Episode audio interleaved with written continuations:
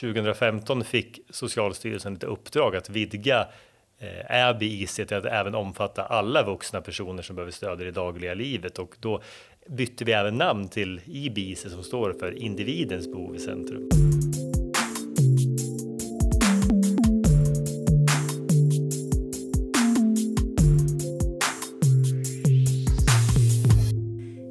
Välkommen till det 42 avsnittet av FoU-podden. Det här avsnittet kommer att handla om IBIC. Och jag som gör podden heter Lena Stenbrink och är kommunikatör på FoU i Sörmland. Med mig här i studion har jag Johan Hansson, Marie Wallin och Matilda Gränsmark. Varmt välkomna. Tack. Tack. Tack.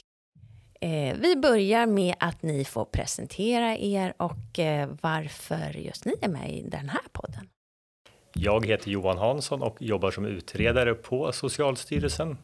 Eh, min huvudsakliga arbetsuppgift är att förvalta och utbilda i IBIC. Mm. Och jag heter Matilda Gränsmark och jag jobbar som utvecklingsledare här på FoU Sörmland och tillsammans med Marie så har jag uppdraget att sammankalla våra regionala nätverk, IBC-nätverk. Och jag heter Marie Wallin och utöver att jag och Matilda samordnar de regionala träffarna så medverkar vi också i Socialstyrelsens nationella nätverk för IBIC. Och nu kanske du som lyssnar redan vet vad IBIC är, men om det är någon som inte vet så kan ni ta lite snabbt vad, vad är IBIC? IBIC står för individens behov i centrum och är ett stöd för dig som arbetar i socialtjänsten med att beskriva och dokumentera uppgifter om individens resurser, behov, mål och resultat med ett gemensamt språk. Men då Johan, kanske du kan berätta hur ser Socialstyrelsens arbete ut med, eh, med IBIC ut just nu? Just nu så jobbar vi, vi har släppt en webbintroduktion.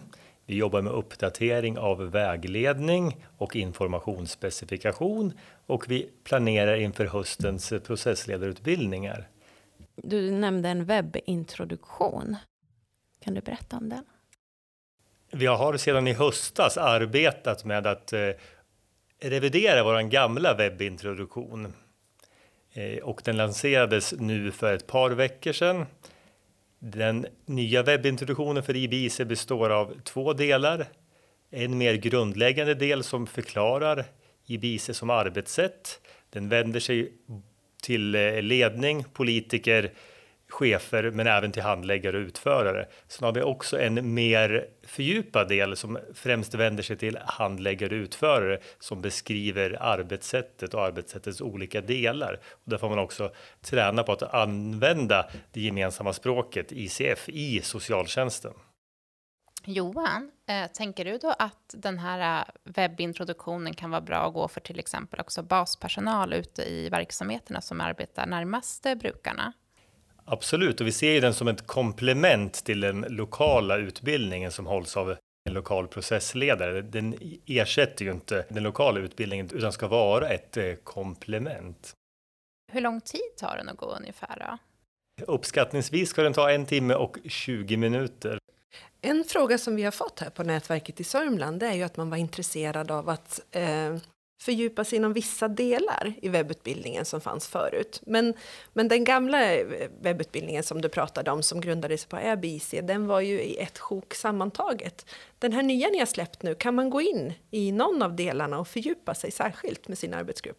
Absolut, den består ju av själva, om man ska träna på IBC och användningen av IBC så är det åtta olika delar eh, som man kan göra hur många gånger som helst. Så man kan fördjupa sig i en del om man vill, Sen är det även reflektionsfrågor och övningsuppgifter till de flesta av delarna.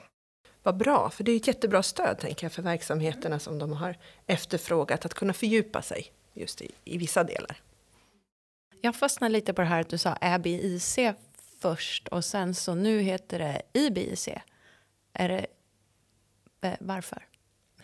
Det grundläggande uppdraget som Socialstyrelsen fick 2008 var att ta fram en nationell modell för att kunna beskriva äldres behov på ett mer enhetligt sätt, vilket resulterade i någonting som benämndes ABIC, äldres behov i centrum.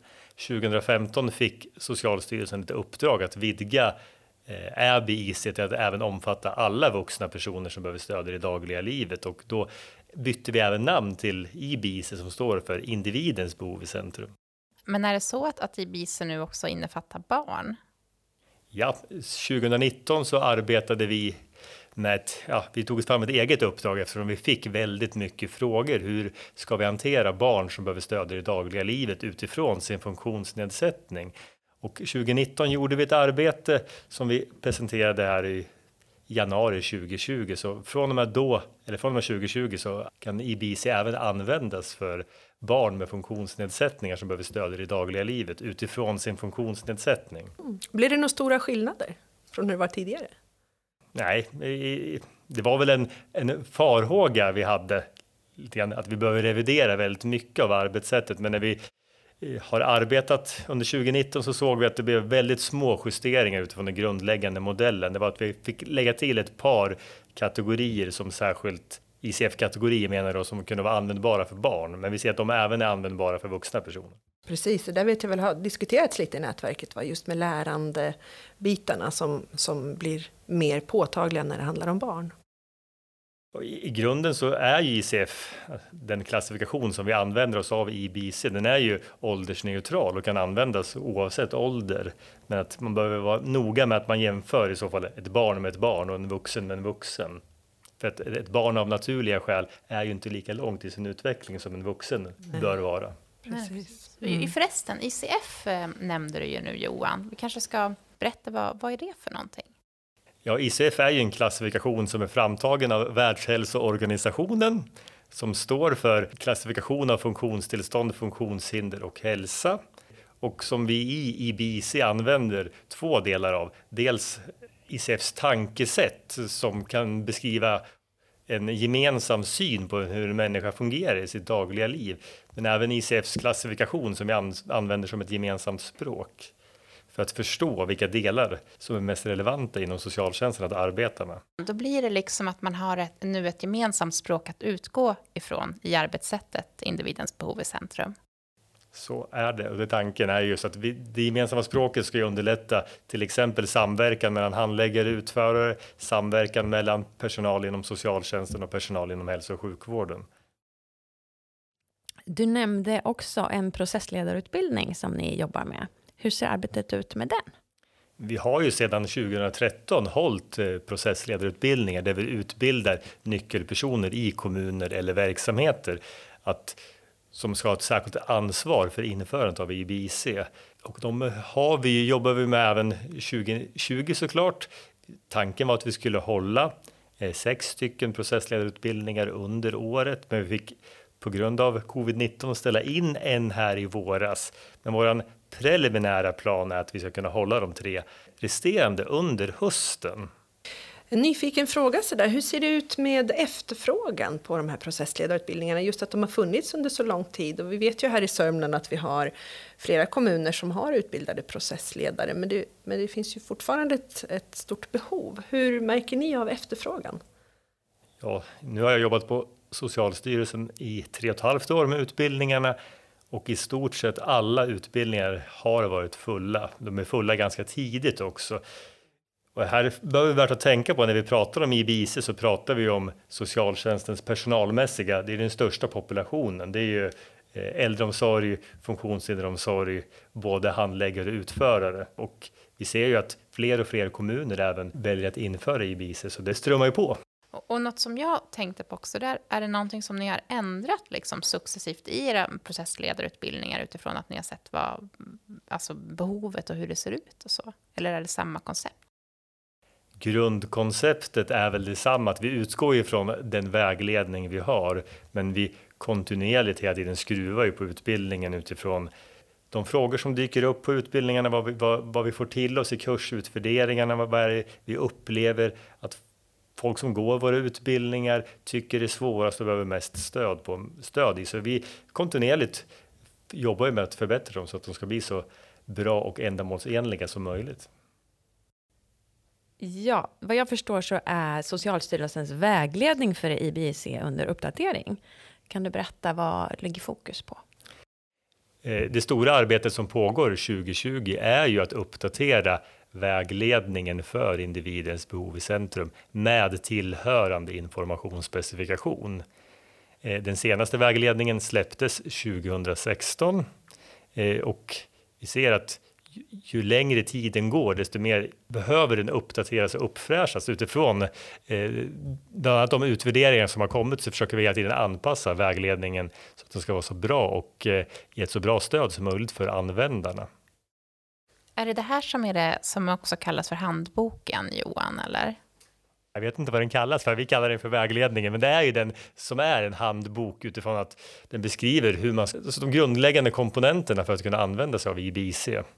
Den har en teoretisk bakgrund, den har en användarhandledning som beskriver hur man går igenom IBIC-processen och den har en fallbeskrivning. Och den här kommer sedan ligga gratis och komma åt på er hemsida, va? Absolut, och man får den även om man går en processledarutbildning. Hur ser tidsplanen ut där? När tänker ni att vägledningen är reviderad och klar? När vi pratar om det här så blir det alltid, alltid preliminärt utifrån också. Det blir extra preliminärt i år utifrån att eh, hur mycket vi behöver jobba med eh, corona eller covid-19. Men vid utgången 2020 så är den, planerar vi att släppa den. Vad spännande. Jag tänker när ni släppte förra vägledningen, var det 15 eller 16? Det var 2016. Ja, just det. Så hade ni ju en eh, ganska stor konferens, eller hur, som man kunde följa via webben och det var spännande tycker jag att se skiftet som blev då. Kommer det bli något liknande som vi ska se fram emot och bevaka nu? Vi har inte planerat för det just nu, men det är oklart. Vi får, vi får väl se hur, hur vi lanserar det. Sist var det en lanseringskonferens och då jobbar inte jag på Socialstyrelsen, men jag var ju med på lanseringskonferensen utifrån mitt, min tidigare arbetsgivare. Då får vi bevaka det från FoUs sida och sprida informationen i länet så att vi kan hålla oss uppdaterade. Gör vi en liten ping här också, att det vore trevligt med det. Mm, ja. och då tar jag med mig det ja. till, till mina kollegor och till min chef. Får vi se vad vi kan göra. Ja, det låter bra. Eh, FoU Väst har gjort en utvärdering av IBIC som släpptes nu i januari. Ja, kan du berätta vad den kom fram till? Ja, FoU Väst utvärderade Kungsbacka kommuns införande av IBIC. Kungsbacka kommun var en av de första kommunerna som valde att införa IBIC och sen, som sen blev IBIC och ville ha en ordentlig utvärdering av sitt införande. Och det resulterade i en produkt på 125 sidor, så den är väldigt ambitiöst skriven. Jag tillsammans med min kollega Ann-Kristin Granberg åkte ner och träffade hon som hade skrivit utvärderingen för FoU Väst i februari. Och vi sa ju det, att vi ser ju det här som en, det är väldigt, det är som en gåva för oss. Det är väldigt viktigt att få till oss att någon har utvärderat det vi har gjort. Där ju, vi tar ju med oss det i vårt fortsatta arbete. Och en kort summering av utvärderingen var ju dels att Kungsbacka kommun inte arbetade fullt ut efter IBC.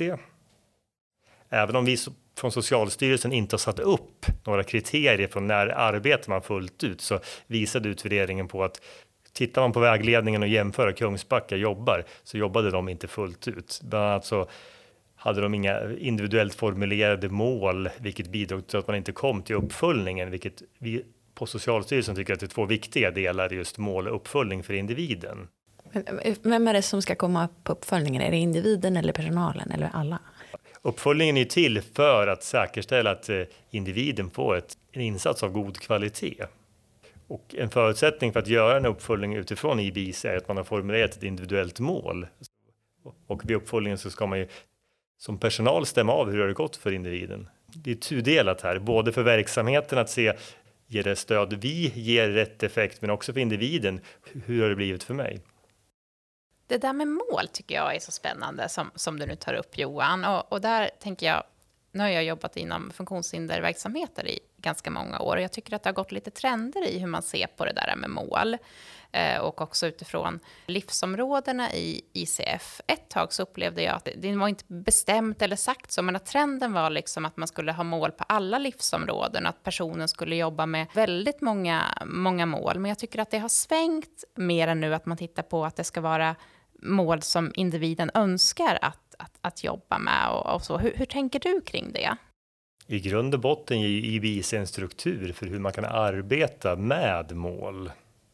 Vi använder oss av ICFs bedömningsskala, vi har en femgradig skala, vi kan värdera måluppfyllelse. Men IBC är i sig inget stöd för hur många mål man har. Och här behöver vi backa tillbaka till den grundläggande kompetens man behöver ha som handläggare och utförare och fundera på hur många mål är det som är relevant? Ibland är det lätt att det blir ett automatiskt ifyllande, att man får mål överallt och det är inte IBCs intention, utan det är ju, intentionen är ju att det behöver utgå ifrån vad individen själv vill. Där det är mest relevant, det är där man ska börja arbeta. Och då har ju också Lunds kommun som arbetade väldigt specifikt med mål kopplat till sitt ersättningssystem märkt att sätter man mål överallt så finns det ju en risk att man bränner ut både personal och brukare. Det här blir jag väldigt tacksam för att höra och tycker låter klokt. För jag tänker särskilt nu utifrån LSS-lagstiftningen som jag har jobbat eh, mycket med att det är ju inte någon intervention man ska göra, utan personerna ska ju ha möjlighet att, att leva som alla andra och eh, uppnå goda levnadsvillkor. Och då blir det ju väldigt knasigt om man automatiskt ska sätta mål som, som man tycker att personen ska jobba med om personen inte vill, utan att det måste vara där personen är motiverad och, och vill. Vi utgår ju från både LSS och SOLs eh, grundintention i lagstiftningen. Det är att, att man ska nå en så hög delaktighet som möjligt och då får man väl sätta mål utifrån en sån situation som du beskriver i de delar individen själv tycker att det är viktigt, att, där man kanske vill bli mer delaktig eller mer självständig. Tänker på de här diskussionerna vi har här eh, regionalt, om man säger så, i vårt nätverk, men också i andra sammanhang när vi pratar om IBC, så kan jag ibland tänka att vi omfamnar eh, mycket som vi vill att IBC ska hjälpa oss med, eh, som kanske ligger på gränsen till ramarna, precis som du beskriver, med det som är yrkeskunnande och professionalitet som är utanför självaste strukturen. Och jag tänker, eh, vilka styrdokument är det som, som ICF egentligen grundar sig på och vad är det vi kan förvänta oss av IBIC och vad ligger utanför? Ska vi vara väldigt hårda, vilket vi ibland behöver vara för att avgränsa oss, så är ju den korta och väldigt hårda versionen är ju att IBC är ett arbetssätt som ger stöd för att identifiera och dokumentera uppgifter om individens resurser, behov, mål och resultat. Då är vi ju väldigt avgränsade. Och vi tillför en gemensam kunskapssyn för hur en människa fungerar. Men för att kunna omsätta IBC från teori till praktik så bygger vi på vissa, vi kallar det för utgångspunkter. Vi pratade, jag pratade tidigare om socialtjänstens mål och värdegrund. Det är en utgångspunkt. Vi pratar om eh, de olika föreskrifterna, handläggning och dokumentationsföreskriften utgår vi ifrån och vi tillför inga ytterligare informationsmängder än vad man behöver eller vad man behöver dokumentera utifrån dem. Men även ledningssystemsföreskriften är ju också en, en, viktig föreskrift som vi utgår ifrån. Jag kan tänka att man ibland är, tänker att IBIC ska vara den struktur som hjälper oss att skapa de rutiner vi behöver ha. Men det är ju en struktur, men, men det behövs mycket lokalt uppbyggda rutiner också som kompletterar själva strukturen. Absolut, eh, och det är ju det vi pratar om förutsättningar. Förutsättningen är ju att det finns en fungerande lokal organisation mm. som bygger på de här föreskrifterna och lagstiftningens intentioner att jobba utifrån en god kvalitet. God kvalitet nämns ju både i socialtjänstlagen och LSS. Men för att kunna omsätta det behöver man ju ha en fungerande lokal rutin. Rutiner för samverkan, rutiner för uppföljning. Sen behöver man ju också ha kompetens och kunskap kring vad är det som till exempel gynnar hälsa och väl, välbefinnande hos individen. Kunskap om olika arbetssätt och metoder. Kunskap för att arbeta och hantera individens delaktighet. Kunskap och kännedom om samtal och kommunikation och så vidare. Och det är ingenting som IBIC ger, utan det behöver man ju ha i allt socialt arbete.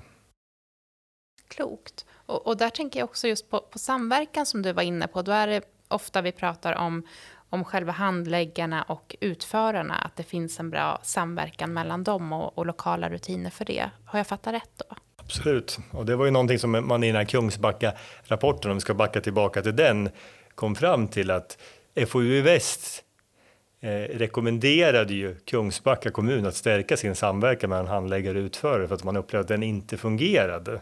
Dels beroende på att verksamhetssystemet inte var kompatibelt med IBC, men även att man måste säkerställa hur är det man ska jobba med uppföljning. Så när ska en uppföljning ske? Hur ska vi jobba med de individuella målen? Det behöver ju både handläggare och utförare göra, för enligt, enligt föreskrifter om handläggning och dokumentation så är det ju ett delat ansvar för uppföljning till exempel. Jag tänker, vi, vi pratar ju mycket nu liksom strukturer runt omkring, men om vi ska backa tillbaka till själva individen, själva personen, hur, hur upplever du att den gynnas av om det finns en fungerande samverkan mellan eh, utförare, alltså de som jobbar med personen och, och de som sätter själva biståndsbeslutet och, och eh, övergripande uppdraget? Tanken är ju att, att arbetssättet ska gynna individens eh, självbestämmande och delaktighet.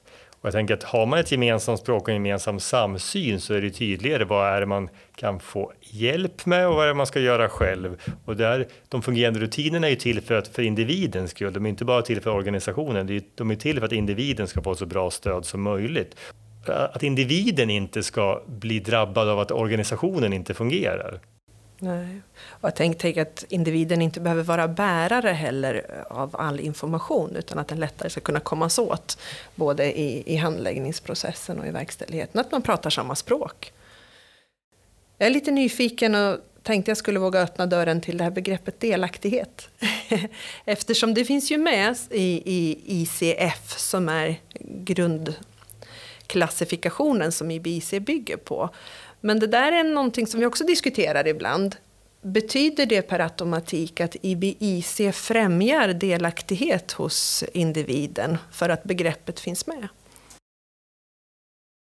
Nu backar jag tillbaka till Kungsbackas rapport och, och svarar utifrån hur de svarar. Där märkte man att delaktigheten eh, hade försämrats efter man införde IBIC och det blev vi lite grann ja, det gjorde ont i hjärtat på oss. Sen när vi åkte ut och besökte dem och läste deras rapport så var det att de hade en lite mer snäv definition av delaktighet, för delaktighet är ju ett helt kunskapsfält. Och de menar ju med att individen hade fått varit inte, inte lika hög utsträckning för att med att påverka vem, vad och hur som gjorde hjälpen och det är inte det som i sak IBIC ser stöd för. IBIC ju stöd för engagemanget i en livssituation.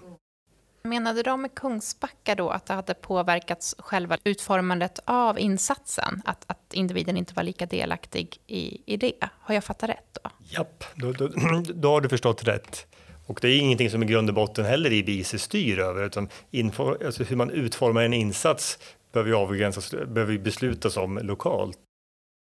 Men det som du trycker på då, det är att utifrån ICFs definition med engagemang i, i livssituation, att det ska upplevas som meningsfullt för den enskilda individen och så.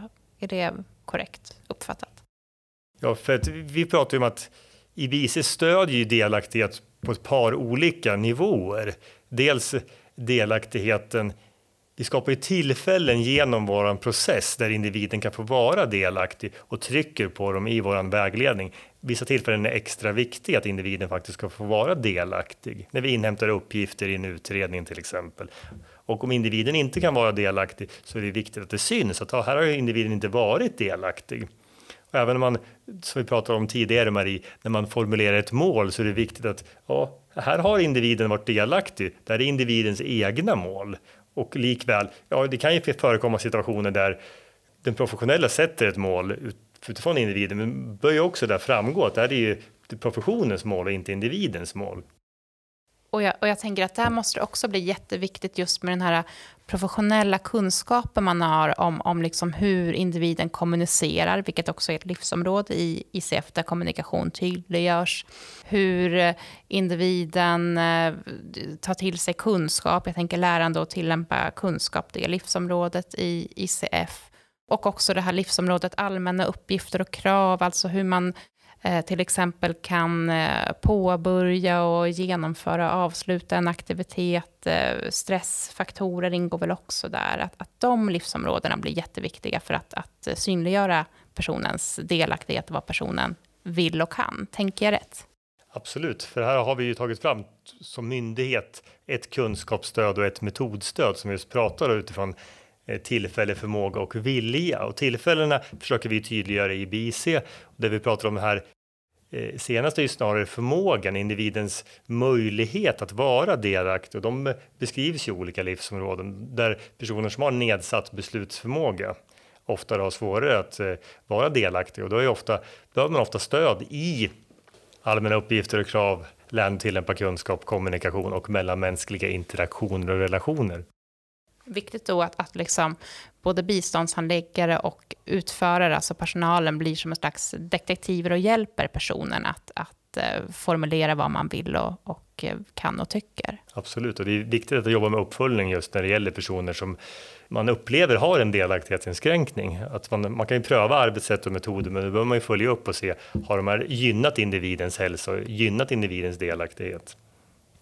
Som en liten påminnelse där kan vi ju nämna att i höstas på den nätverksträff vi hade så hade vi besök av dina kollegor Johan, alltså Per Alexandersson och Anders Berg som pratade om att stödja delaktighet och vilja eh, och de kunskapsstöd som finns kring det. Och det här är ju kompletterande kunskapsstöd tänker jag, som man behöver också ha i sin kompetensbank. Absolut, och där tänker jag också Matilda att vi nästan måste göra lite reklam för vår nya IBIC-sida på FoU i Sörmland, där vi länkar till till såklart Socialstyrelsen och vi länkar till deras webbutbildning, till Kungsbackas, eh, den här utvärderingen som du har pratat om Johan, men också till de tidigare träffarna som vi har haft, där materialet som Matilda nyss nämnde ligger.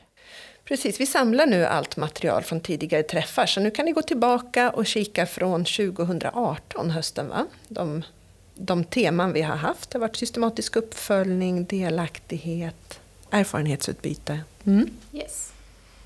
Nu har vi ju kommit ifrån den här utvärderingen som FoU Väst gjorde igen faktiskt. Men eh, hur arbetar ni på Socialstyrelsen med eh, det resultat som de fick fram? Vi ser ju väldigt positivt på att FoU Väst har utvärderat Kungsbacka kommuns införande på samma sätt som vi ser positivt på att Nestor Nestor FoU-center i Södertörn har också gjort ett IBIC-arbete och vi tar ju med oss det här i uppdateringen av vårt stödmaterial i våra processledarutbildningar, i vår webbintroduktion hade vi med delar och framförallt kommer vi trycka på det i vägledningen. För mycket av det här är ju saker som vi redan visste om. Men när man har gjort en utvärdering så är det lättare att referera och hänvisa till den. Bland annat så kommer vi trycka på och kanske backa tillbaka utifrån att vi tidigare har sagt att IBIC till exempel leder till en bättre samverkan. Och här ska vi tydliggöra att IBIC skapar förutsättningar för en god samverkan. Det är inte IBIC i sig som leder till en bättre samverkan, utan samverkan behöver ju ske lokalt. Men har vi en gemensam kunskapssyn och ett gemensamt språk så borde det underlätta samverkan. Det här tyckte jag eh, var intressant, för nu kommer jag att tänka på det. Är IPIC en evidensbaserad, eh, ett, ett evidensbaserat arbetssätt förresten, Johan? Inte IBIC i sig. ICF bygger ju på Världshälsoorganisationens ledande forskare som har eh, tillsammans slagit sina kloka huvuden ihop och tagit fram en klassifikation, så den är ju väl vetenskapligt underbyggd. Men IBC är ju en tillämpning av ICF i socialtjänstens process och är ju inte evidensbaserad utan har ju genomgått ett par olika tester och var i grund och botten ett regeringsuppdrag från regeringen där Socialstyrelsen skulle ta fram en modell. Ah, Okej. Okay. Förresten, det var ju ett, ett regeringsuppdrag då som ni hade. Jobbar ni fortfarande på ett regeringsuppdrag i Socialstyrelsen med IBC? Vi har gjort det fram till 2020. I år har vi inget regeringsuppdrag, utan nu går vi ju på det, det vi kallar för förvaltningsmedel, att vi, vi ansvarar själv för IBIC. Men vår ledning tycker att IBIC är fortsatt är viktigt och vi ser ju för att kommuner fortfarande håller på är mitt i ett införande, så vi kommer ju fortsatt ge stöd. Mm, vad bra, för det tror jag behövs. Mm.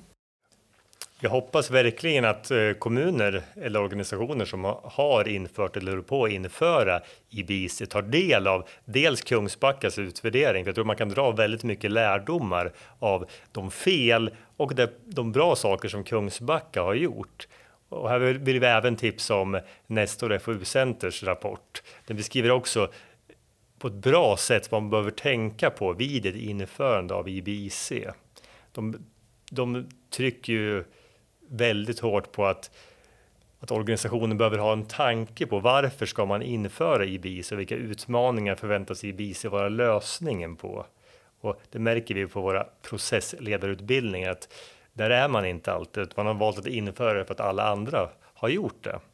Och det kanske inte alltid är bra. Man bör, bör nog ha en tanke om vad IBIS ska lösa. Mm, spännande. Finns de här rapporterna, ligger de ute på nätet så att vi kan länka till dem? Absolut. Då gör ligger på respektive hemsida. Och jag kan säga att redan i dagsläget så länkar vi till dem på FoU i Sörmlands i BISES sida. Och i höstas, Matilda, när du höll i regionala träffen så var väl FoU Nestor där? Mm. Ja, men det stämmer. Eva Karlsson från eh, Nestor FoU Center var här och berättade dels om den rapport, utvärdering som de hade gjort. Men hon visade också ett eh, bildstödsmaterial som man kan använda i eh, handläggningsprocessen när man samtalar med en brukare som kan behöva eh, kognitivt stöd i samtalet. Eh, som är jättefint, som FoU Nestor har gjort. Och det finns på vår hemsida under tidigare tematräffar. Har ni något annat tips om någon information som man kan hitta eller så när ni ändå är igång här? Ja, men det är väl webbutbildningen som Johan pratade om i början. Den, eh, nu, nu låter det som att typ vi har allting, det menar jag inte. Men den finns ju på Socialstyrelsens hemsida, men vi länkar till den. Och det tycker vi är jättebra att den har kommit, just att man kan bryta ut kapitlen och jobba med ett särskilt kapitel för sig. För det vi har strävat efter i vårt nätverksarbete här i Sörmland, det är ju att ta upp de frågor som kommunerna har här och vill jobba särskilt med. Och då är det ju bra att man kan gå in, titta på det kapitel som man vill fördjupa sig i, ha kunskapsbasen som Socialstyrelsen står för och sen kan vi på regional nivå sammankoppla olika erfarenheter, olika tankar om hur man har gjort sen i praktiken i sin kommun. Så jättebra, tycker vi, att den har kommit på det sättet. Och sen tänker jag också att vi kan tipsa om det att som vi sa inledningsvis så håller jag och Matilda i de regionala träffarna men, men deltar också i de nationella träffarna som Johan och Erik Westman, din kollega, håller i. Så ni kan gärna skicka med er frågor som ni har till mig och Matilda som ni tycker är viktiga att vi lyfter med, med tänker jag Johan och Erik. För det är väl tanken Johan, eller hur? Att ni vill veta vad som händer ute i kommunerna. Absolut, vi ser ju nätverksträffarna, de, nationell, de nationella nätverksträffarna som vårt forum för att ett av de forum var för att höra vilka frågor är det som är mest aktuella? Vad är det som bubblar ut i Sverige? Så vi tänker oss att de som är representerade på nätverksträffarna är ju representanter för hela nätverket. Vi ska ju också säga att vi har representation från Trosa kommun, brukar backa upp oss där eh, med sina processledare och också delta på nätverksträffarna, har varit med senaste åren. Mm. Tycker ni att vi har fått med allt vi behöver säga? Ja. Ja, då får jag tacka så jättemycket för att ni ville berätta om det här. Tackar. Tack. Tack. Och eh, till dig som har lyssnat så vill jag säga tack för att du har lyssnat. Och hoppas att du även vill höra nästa avsnitt av FoU-podden.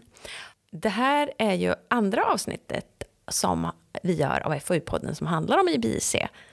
Så om du vill ha lite mer grundläggande om just individens behov i centrum så har vi gjort en podd om det tidigare och det är nummer 15 som du kan lyssna på då.